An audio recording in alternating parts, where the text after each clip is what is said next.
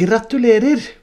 Nå har du kommet til en podkast som ene og alene er viet oversetteri og oversettelse. Jeg har kalt den 'Oversettere er ålreite folk'. Og selv heter jeg Cecilie Winger. Heng på, heng på! Kjære lyttere, velkommen til en ny episode av Oversetterpodkasten 'Oversettere er ålreite folk'. I dag har jeg med meg to eminente herrer. Her sitter ingen ringere enn Bård Kranstad og Morten Hansen. Velkommen til dere to. Tusen takk. takk, takk. Jeg pleier alltid å begynne med å spørre hvordan dere ble oversettere. Hvem av dere har lyst til å fortelle oss litt om det? Jeg kan jo begynne med det, jeg, kanskje, da. Eh, jeg studerte oversettelse, jeg, faktisk, på Blindern. Midt på 90-tallet. Eh, etter å ha studert et par andre fag. Eh, og så hadde jeg en studiekamerat fra engelskstudiet noen semestre tidligere som heter Stian Omland, som er et navn som noen lyttere av denne podkasten kanskje drar kjensel på, for han er jo også blitt oversetter etter hvert. Så han, eh, På det tidspunktet så jobba han også som en slags konsulent for Tiden forlag, som på det tidspunktet skulle satse på oversatt fantasy. For det fantes det ikke av, så veldig mye av på det på, 90-tallet. På, det, på 90-tallet, ja. Altså, du hadde Tolkien, og du hadde en del andre sånne spredte oversettelser her og der, men tiden skulle satse litt mer samla. Så da ville de knytte til seg um, unge oversettere som kanskje hadde litt mer peil på sjangeren enn en del andre oversettere. Og da, via Stian, så fikk jeg da en prøveoversettelse fra tiden som de ble fornøyd med. Og så fikk jeg oversette den boka, som var den første i en serie på fem. Så da ble det hele den serien. Og så fikk jeg en serie til, og en tredje serie. Og så ble det etter hvert eh, andre forfattere og andre sjangre, og historiske romaner og krim og eh, tegneserier og barn og ungdom og chick litt og litt av hvert. Så da og ingen vei tilbake? Ingen vei tilbake. Her sitter jeg da etter 26 år og 120 oversettelser seinere. Morten Hansen, du oversetter fra svensk og engelsk. Ja. Mest engelsk hittil, men noe svensk også, ja. Mens du, Bård? Eh, oversetter fra portugisisk og engelsk og litt svensk også. Men Fortell hvordan du ble oversetter, da. Eh, ja, det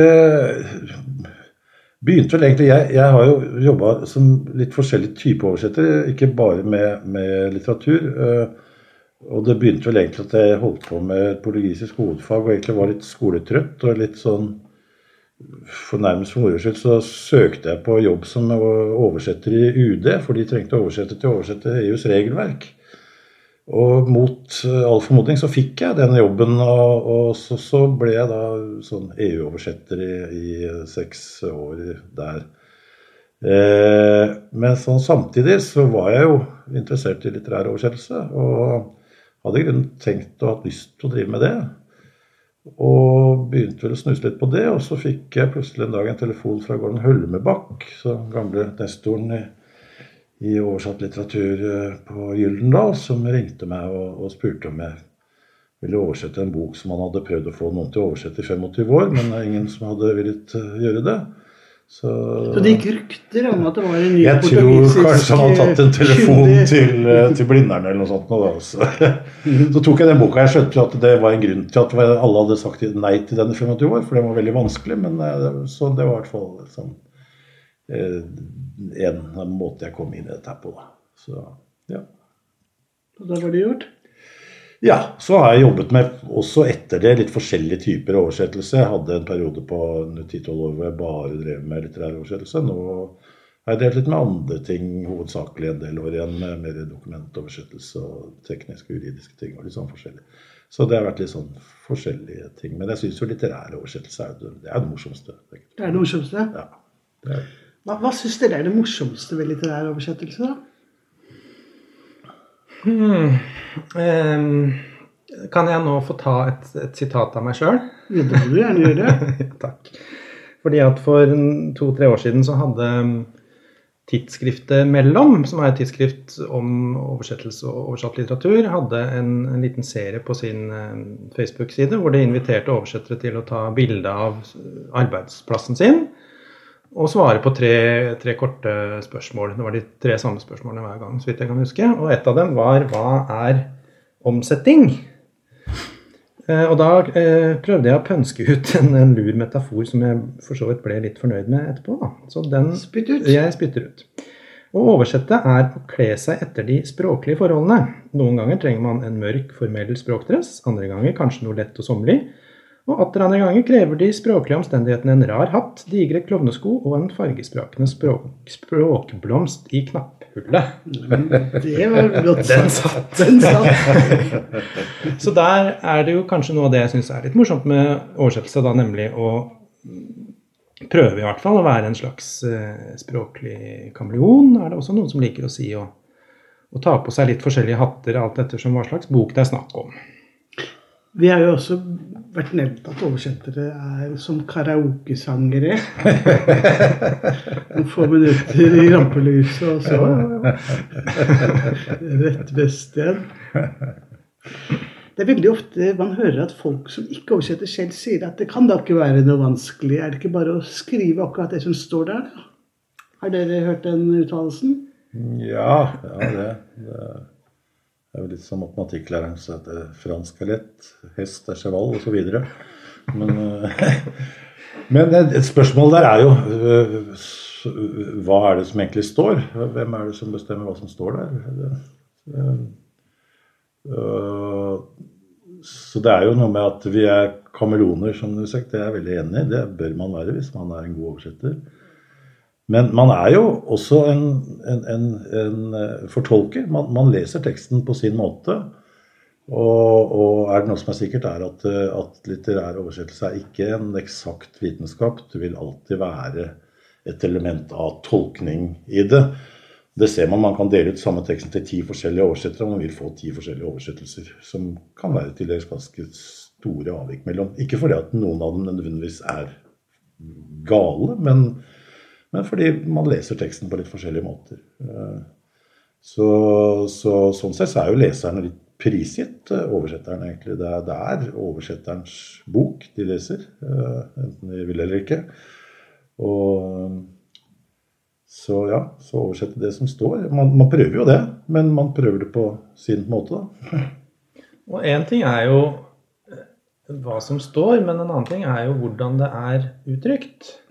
Og særlig i skjønnlitteratur så har jo språket også noe å si. Kanskje Altså Hvis man skal si noe om forskjellen mellom sakprosa og skjønnlitteratur, så Det finnes jo selvfølgelig mange typer sakprosa, men ofte så handler det jo der kanskje mer om kunnskapsformidling enn om det rent språklige da, enn det gjør i skjønnlitteratur. Og mens i skjønnlitteratur så må du også ta hensyn til hvordan forfatteren har sagt det han eller hun har sagt.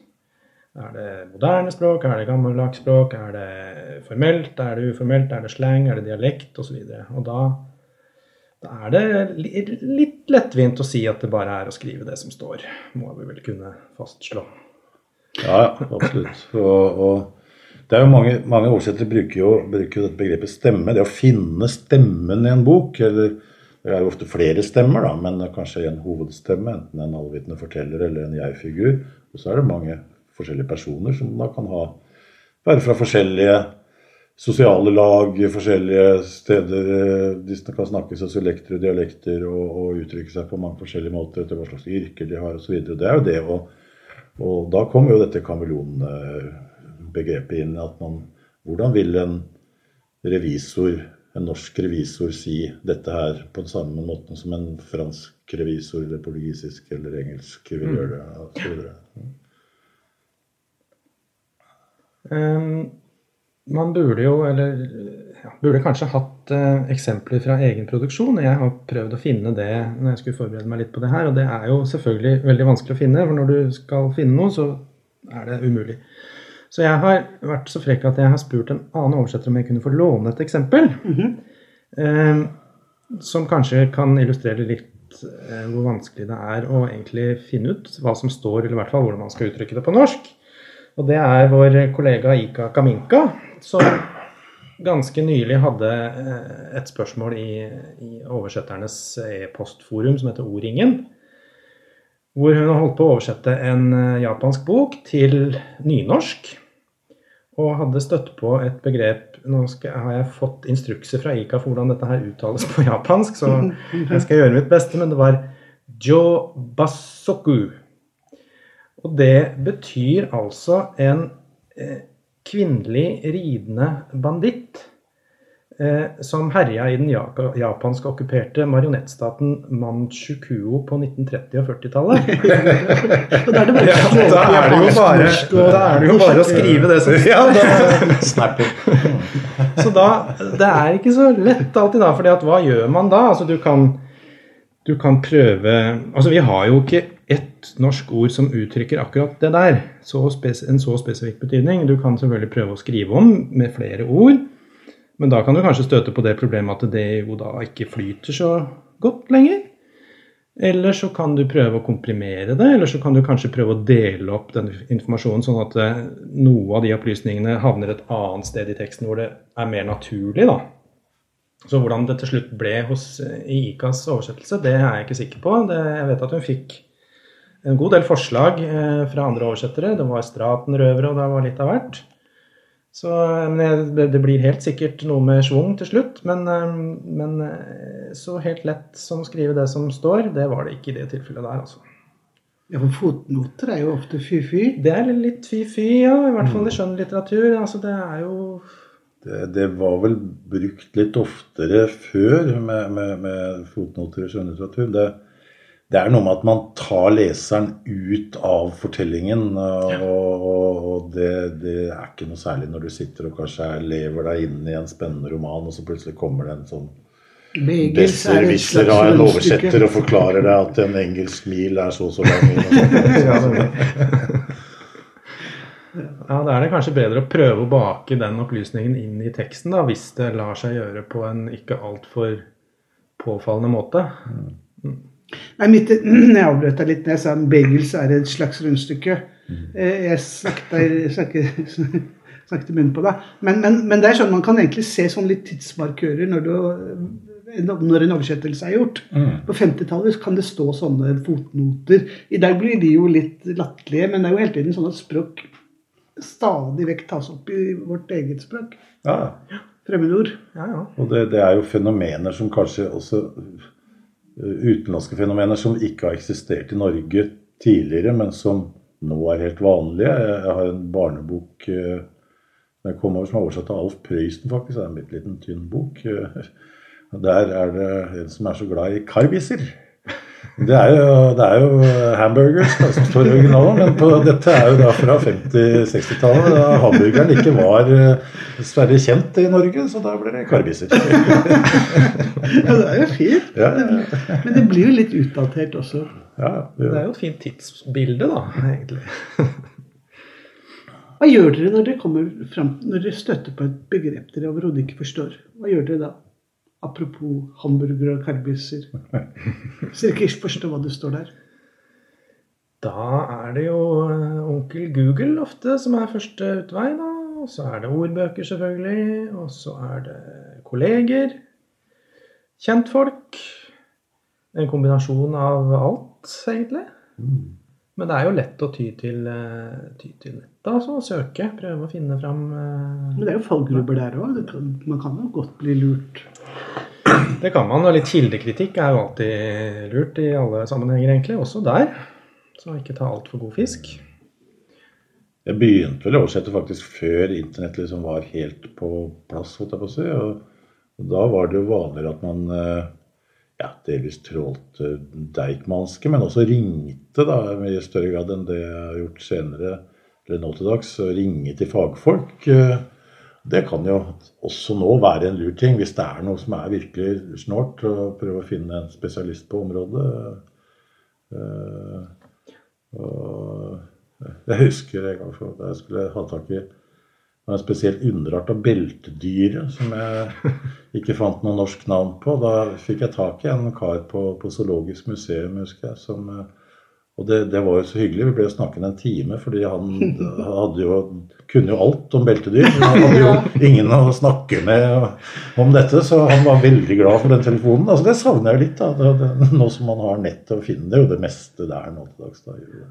Ja, jeg har også vært i kontakt med spesialister innenfor diverse områder. Og det, ofte så er jo på en måte det bedre enn å, å prøve å google seg fram til ting. fordi at selv om du kanskje finner de opplysningene du trenger, da, så er det jo ikke dermed gitt at du helt forstår egentlig hva du leser, eller hvordan du skal Mm. bruke de ordene, Mm. og hvilke andre ord som hører sammen med dem, altså preposisjoner og verb og sånt noe. Så, så da kan det være gull verdt å, å snakke med en fagperson som faktisk vet hva, hva det dreier seg om. Eh, og som Bård sa, så er det jo ofte da man treffer noen som virkelig brenner for faget sitt, da, og som, som er bare glad for å bli spurt. Det, har- jeg tror ikke, enda ikke jeg har snakka med en ekspert som ikke har vært veldig glad for å bli, bli spurt om et eller annet. Enten det var en sirkusekspert, eller om det var en, en pilot, eller eh, Altså garantert forteller du middagsbordet hjemme etterpå. Gjett hvem som er ja, en oversetter. Men, eh, ellers så kan det jo være altså Det er jo særlig en bok som jeg har holdt på veldig lenge med, som jeg, som jeg skulle lese litt høyt på, Så jeg tenkte, eh, som, som ga meg sånne utfordringer hele tiden. Og det var jo den enkle grunnen. altså Det kom stadig over ord som jeg ikke skjønte det, på hver eneste side. Og det var jo av den grunnen at det var forfatteren selv som hadde laget de ordene. Og da hjalp det ikke noe særlig med Google heller, at hvis du googlet det, så fikk du gjerne opp da akkurat et sitat fra den setningen som du prøvde å oversette. Og, men det jeg hadde da i den situasjonen, det var at dette er en, en kjent bok som da var oversatt til flere språk fra før av. De fleste av de oversettelsene konsulterte jeg, de fleste av dem var dårlige, men det var en som var riktig god, og det var den tyske. Og den kunne jeg stole ganske mye på, fordi tyske, den tyske oversetteren og forfatteren, som da fremdeles var i live, de hadde brevvekslet ganske mye, og forfatteren snakket flytende tysk, for han hadde vært konsul i, i Tyskland. Sånn at eh, den var da kunne jeg stole på at det er, hvis jeg ikke finner ut av på noen annen måte, så, så ser jeg den tyske, og så, og så ser jeg hvordan han har løst det. Og da satset jeg på at det var riktig. Dette var en forfatter som ikke levde på det tidspunktet. Nei, han levde ikke på det tidspunktet da jeg eh, oversatte ham. Så, så det Si hvem det var, da. Han heter eh, Joan Guimarais Rosa. Heter han. En av de helt store brasilianske forfattere i det 20. århundret. Jeg har også vært eh, i kontakt med, med forfattere, eh, og det har stort sett vært veldig nyttig. Eh, Jeg har oversatt en forfatter som heter Patrick Rothfuss, som har skrevet et par mursteiner av noen fantasybøker, og han var så eh, hjelpsom at han hadde faktisk oppretta et eget forum på nettet for oversetterne sine over hele verden, hvor du da kunne få brukernavn og passord, logge deg inn og lese hva alle andre hadde spurt om tidligere, og også stille han spørsmål direkte. Og det viste seg også å være helt nødvendig i de bøkene, for der sto det så mye mellom linjene at du hadde ikke sjans til å finne ut av alt uten å faktisk spørre selve kilden. Så han hadde, hadde rett og slett veldig stor forståelse for hva oversettere trengte å vite. Så det, det er kanskje det mest enestående jeg har vært borti hittil. Så kan det være andre forfattere selvfølgelig som er helt umulig å få tak i. Jeg tror f.eks. ikke at jeg ville klart å nådd gjennom til Stephen King gjennom eh, veggen av agenter og, og, og forleggere osv. Så, Mhm. så Men det har heldigvis ikke vært nødvendig heller, da. Vi sitter jo og snakker om er det ikke bare oversettere som står der, og det gjør man jo ofte, men er det alltid at leseren oppfatter det samme som, nei, som oversetteren formidler? Nei, det, det, det, hvis det er godt oversatt, så, så tror jeg ikke nødvendigvis det. Eh, Jeg, husker en Jeg satt og diskuterte det med min daværende en gang. Hadde, hun hadde lest en bok jeg hadde oversatt, og det var en scene der med to eh, et tidligere ektepar, to ekser, som satt og, og, og hadde en samtale. Og jeg oppfattet og hadde oversatt den som denne jeg-figuren. Han syns at denne ekskona snakker veldig luftig, at det bare er svada, at det er helt bare Han ser ikke noe mening i det hun sier, at han, så han bare på en måte jatter med. Mens eh, da min eh, leser hadde oppfattet det på en helt annen måte. Hun syntes det var veldig fornuftig sagt. det Den eh, ekskona sa at det, var, at det var eh, denne mannen som var, på en måte ikke helt skjønte hva slags situasjon det dreide seg om. Så det, det viser jo at, at, at og, Så selv om jeg på en måte var forutinntatt som, som oversetter Jeg hadde måte tolket scenen på en måte, men allikevel så hadde jeg da ved et lykketreff klart å formidle det sånn at det var mulig å, å, å, tolke det på en helt annen måte enn sånn som jeg hadde lest setningen i, i originalen. Det syns jeg var litt interessant, for det, det, det, det, det viser at det er dette å oversette, det er, en, det er tolkning. Men hvis man lykkes, så kan det likevel, i likhet med original, et originalt verk, tolkes på ulike måter. Det er veldig interessant. Mm. Som et eksperiment så kunne man jo fått din leser til å lese originalteksten, og så sett hvilke valører hun fikk ut av det. Mm. Absolutt. Morten Hansen, før vi begynte her, så snakket vi om tabber. ja. Um, det er kanskje litt på siden av det vi har snakka om hittil, men, um, men tabber er jo gøy. Men tabber er jo gøy. Jeg skulle gjerne ha servert noen egne, men uh, jeg har jo selvfølgelig ingen. Nei da, jeg har sikkert det, men, men, ikke noen som er så morsomme, kanskje. Men jeg har altså uh, noen tabber som det er en forfatter som har begått. fordi at uh, å skrive det som står, er nå én ting, men hvis man skal ta det helt bokstavelig og alltid skrive det som står, selv når det som står i originalen er helt feil, så havner du jo kanskje litt ute på ville veier. Fordi at jeg oversatte en, en eh, engelsk forfatter for noen år siden som hadde skrevet en serie vikingromaner. Med handling fra Norge og Sverige og Danmark og delvis England og andre land også på 800-900-tallet eller noe sånt noe.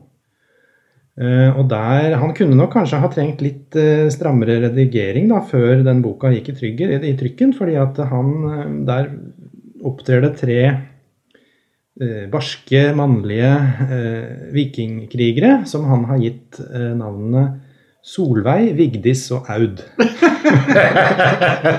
Men de var valkyrjer, da. Jeg, jeg, har jo da et, jeg kan lese et, et, sitat her på engelsk fra originalen. Fuck a man named Aud exclaimed in the open doorway. Eller et annet her. The man was slumped on the ground, his chin on his chest and his white hair loose about his face, and Sigurd knew it was Solveig. og hva gjorde du da? Nei, eh, hva gjorde man da? Jeg, jeg, jeg, kunne, det var jo litt fristende, selvfølgelig. Det kunne jo ikke la det stå. fordi altså, en, en, leser av den engelske originalen, som kanskje ikke er så bevandra i norrøne norske navn, og sånt nå, ville jo kanskje ikke reagert i det hele tatt. Men for en norsk leser så ville man stussa hvis det sto Solveig, Vigdis og Aug og Aud om disse her barske mannlige vikingene. Så jeg tok jo kontakt med forfatteren, og da var det noen som allerede hadde oppdaga et par av de der, så han hadde et par nye navn klare. Men jeg hadde også funnet et par til, bl.a. Alfdis, Alvdis, som ingen andre hadde sett enda, mm, da i hvert fall. Så jeg spurte han skulle vi muligens kalle han for Al-Algeir, f.eks. isteden. Ja, gjør det, så, så, der står det altså helt eh, spinnville navn i den første utgaven vel å merke av den engelske originalen, da, mens i den første utgaven av den norske oversettelsen så er det, er det korrekt. Så, så, der kunne man ikke skrive det som står sånn helt eh, konkret, syns jeg. altså. Var han lettet over å ja, han tok, reddet, han tok det pent. Og det, det, var jo ikke de eneste feilene heller i, i disse bøkene. Så, det, så ja. Han, han syntes nok det var greit å få den lille rettelsen der, ja. Yes, da er vi kommet over i den delen hvor jeg gjerne vil at dere skal lese høyt for meg. Det ser ut som Bård Kranstad er klar. Han sitter der og oh, ja. en tjukkas av en bok. Hvilken bok er det, Bård? Det er en bok som heter 'Den store Sertan' av tidligere nevnte Joan Gimaraes Rosa. Det var den Lyngardon Helmebakk ringte eh, Det var ikke, faktisk ikke den, for jeg oversatte først en novellesamling av samme forfatter. For han hadde egentlig da gitt opp å få oversatt denne boka, som er hovedverket til forfatteren selv. Oversatte da først en novellesamling, og så gikk det sånn relativt bra. Og så var det da Janniken Øverland som overtok etter Høllenbakk, som da ba meg oversette denne. Så, kan du fortelle hvilket årstall omtrent forfatteren eh, Forfatteren han, eh, han, levde på første halvdel av 1900-tallet. Eh, han ble ikke så veldig gammel, sånn ca. da 1900 til eh, noen og 50. Mm. Eh, nei, skal vi se Nei, nå tar jeg litt feil. 1908 til 1967. Eh, men handlingen i denne boka den er da fra, fra ja, sånn århundreskiftet mellom 1800- og 1900-tallet. Rundt der. Og det er fra da det som kalles altså Osertan, som er For å si det veldig kort, det er Brasils svar på Det ville Vesten. Det er et enormt område hvor det da opp gjennom tidene, og på denne tiden her hersket til dels lovløse tilstander med masse forskjellige bander som kriget mot hverandre, og militser og regjeringstropper, og alle var i krig med alle. Og, og, og da et veldig sånn uh, lovløst og, og, ganske tøft uh, miljø, da. Uh, så og så er den da skrevet på et veldig merkelig portugisisk med en masse rare dialektord og masse ord som forfatteren selv har diktet opp. og Det er ikke, det er ikke en transkribert dialekt, men det er altså en, en, et eget språk som forfatteren har laget. Altså en slags kunstdialekt, om man vil. Så det har jeg prøvd å, å gjengi sånn til dels, i hvert fall. Ja, skal jeg lese? Ja. Uh, skal vi se Hør nå her. Det den burde gjøre, var å innkalle til et møte for lærde politikere og andre folk høyt på strå, sånn at de i flokk og forsamling en gang for alle kunne fått has på den der innbillinga om at det fins en djevel. Han fins ikke. Det er ikke mulig, det. De skulle lagd en lov om det, så kunne godt folk holdt fred. Hvorfor tar ikke øvrigheta fatt i de tinga? Jo, jeg veit at det ikke lar seg gjøre. Du må ikke tro at jeg er helt imbisill heller, senor. Én ting er å spekulere etter en god tanke. Noe annet er å styre et land der det er fullt med folk av kjøtt og blod og tusener på tusener av elendige skjebner. Så mange mennesker. Det er som blir svimmel av å tenke på det. Og ingen har fred i sjela. Den blir født, så vokser de opp og gifter seg. Så vil de ha fast jobb, god mat, god helse, penger. De vil være viktige, de vil ha rein, og de vil akkedere seg til gode handler. På den måten at i grunnen så har du bare ett valg. Anten så må du leve i den vanlige svinestien av verden, eller så må du leve og ånde bare for det åndelige. Jeg kunne blitt prest eller pastor. Ellers var det bare bandeleder jeg kunne bli. Noe annet var jeg ikke født til. Men jeg begynner å bli gammel, og det er mye som har gått skeis. Og så gikk det, da. Snart hviler jeg vel sammen med jorderepla, som vi sier på denne kanten. Ja, ja. Hæ? Hæ? Det jeg tenker mest på, ja, det kan jeg sverge og beskrifte på, det er dette. Alle er gærne. Du, jeg, alle som er. Livet er livsfarlig, senior. Veldig fint. Mm. Og dette fikk du da Bastian-prisen for i sin tid? Det gjorde jeg faktisk. Den mest var... høythengende oversetterprisen som fins i Norge. Det var jeg veldig stolt og glad for å få. Velfortjent, må vi vel kunne si. Vi går over til deg, Morten Hansen. Ja, jeg har tatt med noe helt annet. Eh, først så tenkte jeg kanskje at jeg skulle velge noe helt blodferskt, men så gikk jeg litt tilbake isteden og tok eh, en bok jeg oversatte i 2015, som heter eh, Marsborn, The Martian på engelsk, som er skrevet av en amerikansk forfatter som heter Andy Weir. Den ble filmatisert, tror jeg? Den ble filmatisert også, ja. Regissert av sjølveste Ridley Scott i samme år, altså 2015, vel. Og så var det Matt Damon i hovedrollen. Men boka kom ut første gang eh, i selvpublisert utgave, faktisk i 2011. Og fikk mye oppmerksomhet og ble veldig populær. Men så fikk han forfatteren etter hvert kontrakt med et stort eh, amerikansk forlag. Husker ikke hvilket, men spiller ingen rolle. Og så kom, da, kom den nye versjonen av samme bok ut i 2014 og gikk til topps på mange lister. Eh, og det er jo da en science fiction-roman, men kanskje med vekt på science. fordi at her er det ingen eh, små grønne menn eller dimensjonsportaler eller noe sånt noe. Alt er eh, veldig realistisk skildra. Det er det som på en måte var hans prosjekt med denne boka. å og gjøre masse research og sørge for at alt er helt realistisk. Selv om den foregår noen år fram i tid, så er alt av teknologi osv. er en forlengelse av det vi har i dag, da, kan du si. Så den handler om en stakkars astronaut som heter Mark, som eh, blir etterlatt på Mars. Han har vært med en ekspedisjon dit, og så skjer det en ulykke som gjør at resten av besetningen tror at han omkommer. Så de eh, kommer seg av planeten i hui og hast, eh, og han er igjen. Og så viser det seg at han er jo ikke død. Og så eh, må han da eh, ved hjelp av kløkt og oppfinnsomhet og eh, improvisasjonskunst. Klare seg der. Dyrke poteter for å overleve i Mars jord. Og prøve å få skikk på antenne igjen, sånn at han kan kontakte jorda osv. Så videre, sånn at de kan komme og hente han. Så det er en veldig spennende bok, og det er veldig mye teknologi og teknikk og, og, og omløpsbaner og nedstignings- og oppstigningsfartøyer og, og det i det hele tatt. Og jeg, jeg- skjønner Robinsonade, dette. på en måte, ja.